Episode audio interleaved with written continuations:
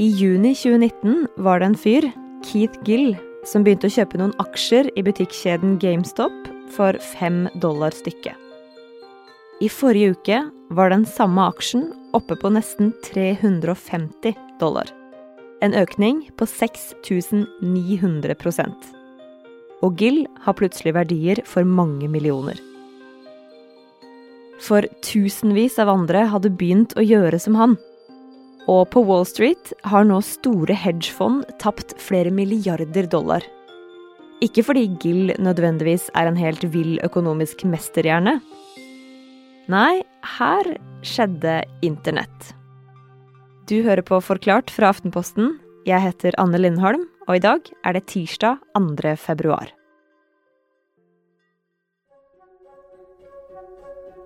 Dette starta jo med, med Reddit-brukeren Deep Fucking Value, som han heter. Keith Gill, som han egentlig heter.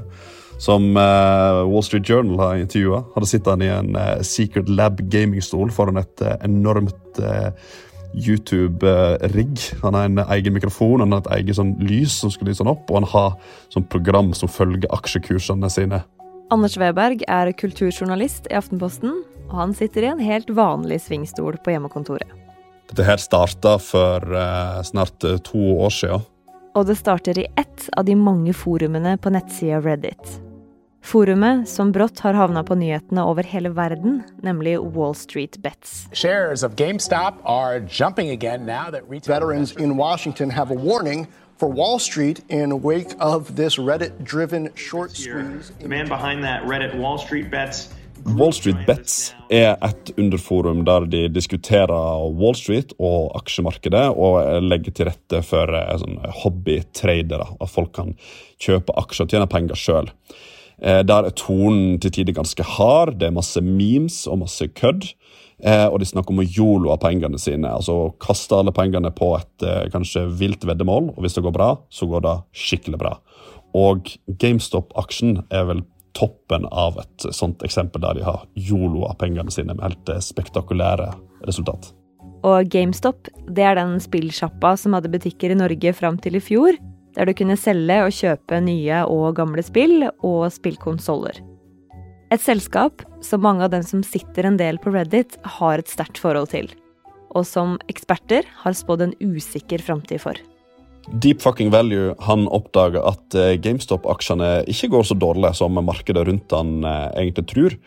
Sjøl sier han at han eh, hadde egentlig tru på butikkene til GameStop fordi gaming det har vært på vei opp ganske lenge, og så kom det noen nye spillkonsoller i fjor som ville gi dem et lite løft. Og så er det jo et element av nostalgi oppi dette her. GameStop-kjeden den er noe som mange har et veldig nært forhold til, kanskje spesielt blant Reddit-brukerne. Så Deep fucking value. Han fortsetter å investere i GameStop, han fortsetter å dele at han gjør det, og stadig flere får det med seg. Så dette her da fortsetter en stund. Så kommer det en global pandemi som gjør at flere sitter hjemme og følger med på både nett og på aksjemarkedet. Så kommer den virkelige vrien i historien, fordi store hedgefond de begynner å vedde på at eh, GameStop skal gå under, gjennom å begynne å shorte GameStop-aksjer. Ok, hedgefond eh, og shorting Økonomijournalist i Aftenposten, Roar Valderhaug, vær så god. Selve ordet hedgefond er bare en samlebetegnelse på veldig mange tusenvis av forskjellige investeringsselskaper verden over, som har en mye større frihet i, i valget av investeringer enn hva et vanlig aksjefond har. Og grunnen til at de står såpass fritt, er at de ikke investerer pengene til vanlige folk som sparer til pensjon, men til det som er regna som profesjonelle investorer Altså bedrifter og skikkelig rike folk som myndighetene mener tåler å tape en del penger. Men selve ordet hedge det betyr egentlig å sikre seg på engelsk. Så Opprinnelig så var tanken at hedgefond skulle sikre investorer mot eh, risiko ved måten de investerte på. Men uh, denne friheten som de har, har gjort at hedgefond etter hvert, veldig mange av de har utviklet seg til å bli selskaper som tar enorm risiko istedenfor liten risiko på vegne av investorene. Og sjøl om hedgefond kan investere i mye rart, så handler de ofte i aksjer. Og De handler da i det som kalles for long short equity, Og Det betyr at de både kan kjøpe aksjer som et vanlig aksjefond, men så kan de også gjøre noe som vanlige aksjefond ikke kan gjøre, og det er å selge aksjer short, altså selge aksjer som de ikke eier. Ja, og å shorte, sånn som flere hedgefond gjorde med GameStop, hva er det? Eh, å shorte en aksje, dvs. Si å selge en aksje som du ikke eier, i da håp og tro om at denne aksjen skal falle i verdi. Du mener den er overpriset i markedet, og derfor så selger du aksjen uten å eie den. Altså at vanlig aksjehandel blir litt snudd på huet, da, for du vil fortsatt kjøpe lavt og selge høyt, men du bare gjør det i motsatt rekkefølge? Ja. Hvis du skal gjøre det på en lovlig måte, så må du da først låne den aksjen fra noen som sitter på aksjen i dag, altså noen som er aksjonær i et selskap. Etter du har lånt aksjen fra den eh, aksjonæren, så selger du aksjen, håper og tror den skal gå ned, og så på et eller annet tidspunkt så må du da levere tilbake aksjen til den aksjonæren. Da må du ut og kjøpe aksjer i markedet igjen og levere de tilbake til aksjonæren i det samme antallet som du hadde opprinnelig lånt. Så hvis eh, aksjen i mellomtiden har gått da fra 100 til 50, så har du tjent 50 kroner per eh, aksje på dette. Ok, så litt som om hvis mamma og pappa dro på ferie, jeg fikk nøklene og lånte huset mens de var borte, solgte det for 10 millioner, venta en stund til prisen gikk ned, og kjøpte det tilbake for åtte millioner. Ga tilbake nøklene og hadde to millioner til overs. Ja, lett sånn, bortsett fra at jeg vil da definitivt ikke anbefale deg å shorte hus til foreldrene dine. ja, sant. Men shorting, det var iallfall det som skjedde med GameStop-aksjene. Hedgefondgiganter begynte å satse store penger på at GameStop-aksjen ville synke i verdi. Men internett ville det annerledes.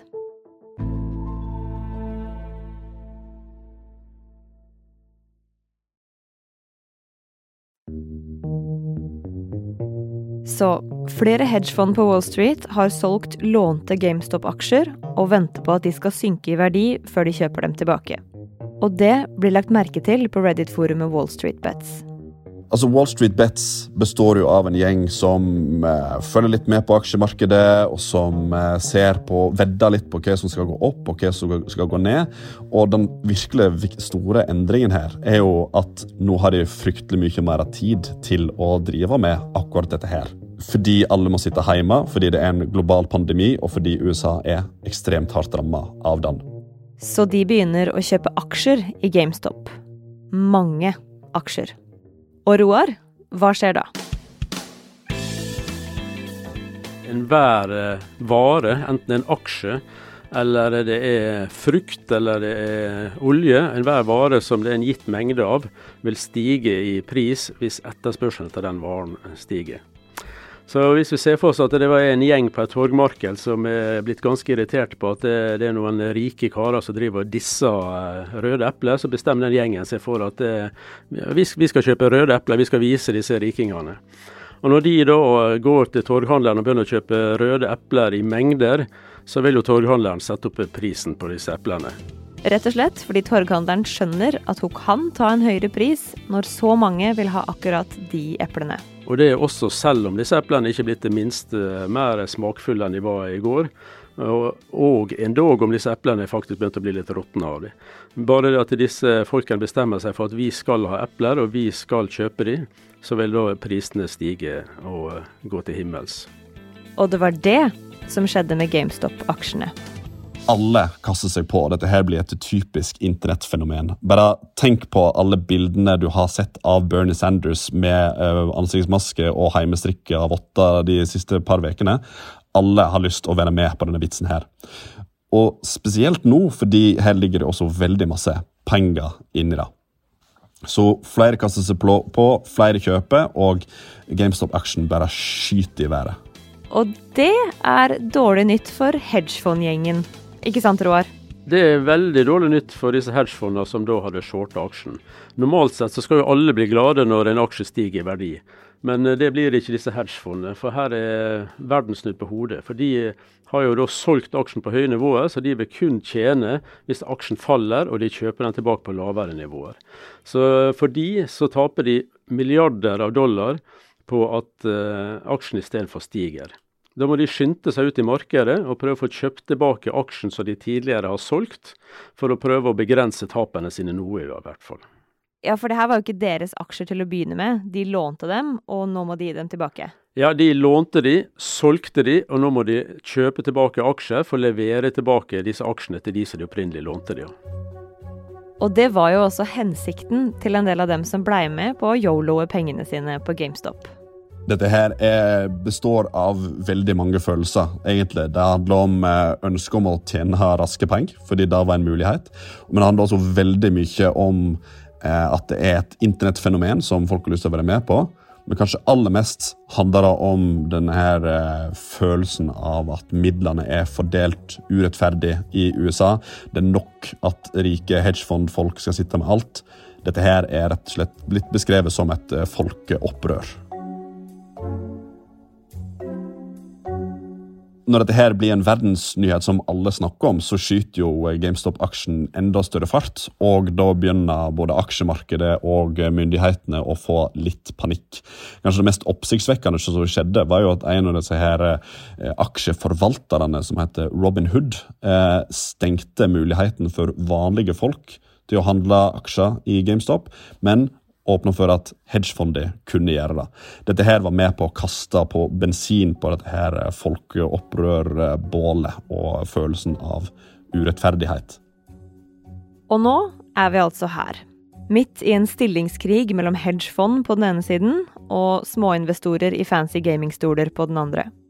For hedgefondet er nødt til å kjøpe tilbake aksjene de har lånt, og småinvestorene de risikerer å tape penger jo lenger de sitter på aksjer som akkurat nå er verdt mye mer enn økonomien i selskapet GameStop skulle tilsi. Samtidig har den politiske diskusjonen begynt å gå, særlig i USA. Flere politikere har bedt om reguleringer og strengere regler mot markedsmanipulasjon. Andre har gått ut mot Robinhood for at de begrensa muligheten for småinvestorer til å kjøpe aksjer i GameStop. Så mye gjenstår å se, men én ting er ganske sikkert. Dette her kan jo bli stående igjen som et eh, maktskifte, rett og slett. For det første så viser det at verden må ta det som skjer på internett, på alvor. Eh, ting som blir diskutert på internett og på Reddit, foregår ikke bare på Reddit. Det kan også få virkelige konsekvenser i den virkelige verden. Da tror jeg folk virkelig forstår nå. Men, men, mest av alt så virker det som at dette her vil få store konsekvenser for hvordan eh, Wall Street fungerer.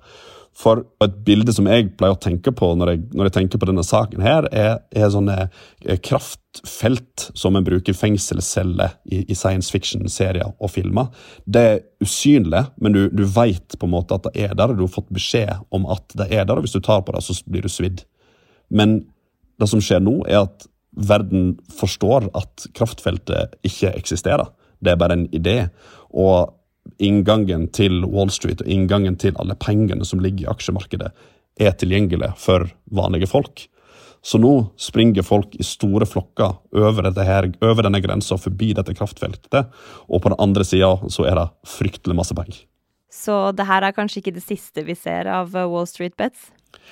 Da tviler jeg på. De har allerede begynt å bevege seg videre til andre aksjer som har liksom den samme nostalgiverdien som eh, GameStop har. Eh, Nokia er noe av det som eh, folk satser stort på. Jeg har også lest om folk som satser på AMC, altså amerikanske kinoer. og det siste jeg las, var altså at folk vil nå kaste pengene sine inn i Koss. De som lagde disse her små, tynne headsettene som vi hadde da, da jeg var tenåring.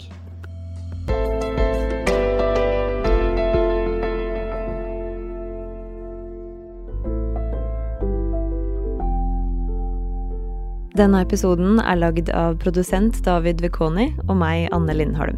Resten av Forklart er Caroline Fossland, Marit Eriksdatter Gjelland og Ina Swann. Du har hørt lyd fra CNBC, CBS News og Yahoo News.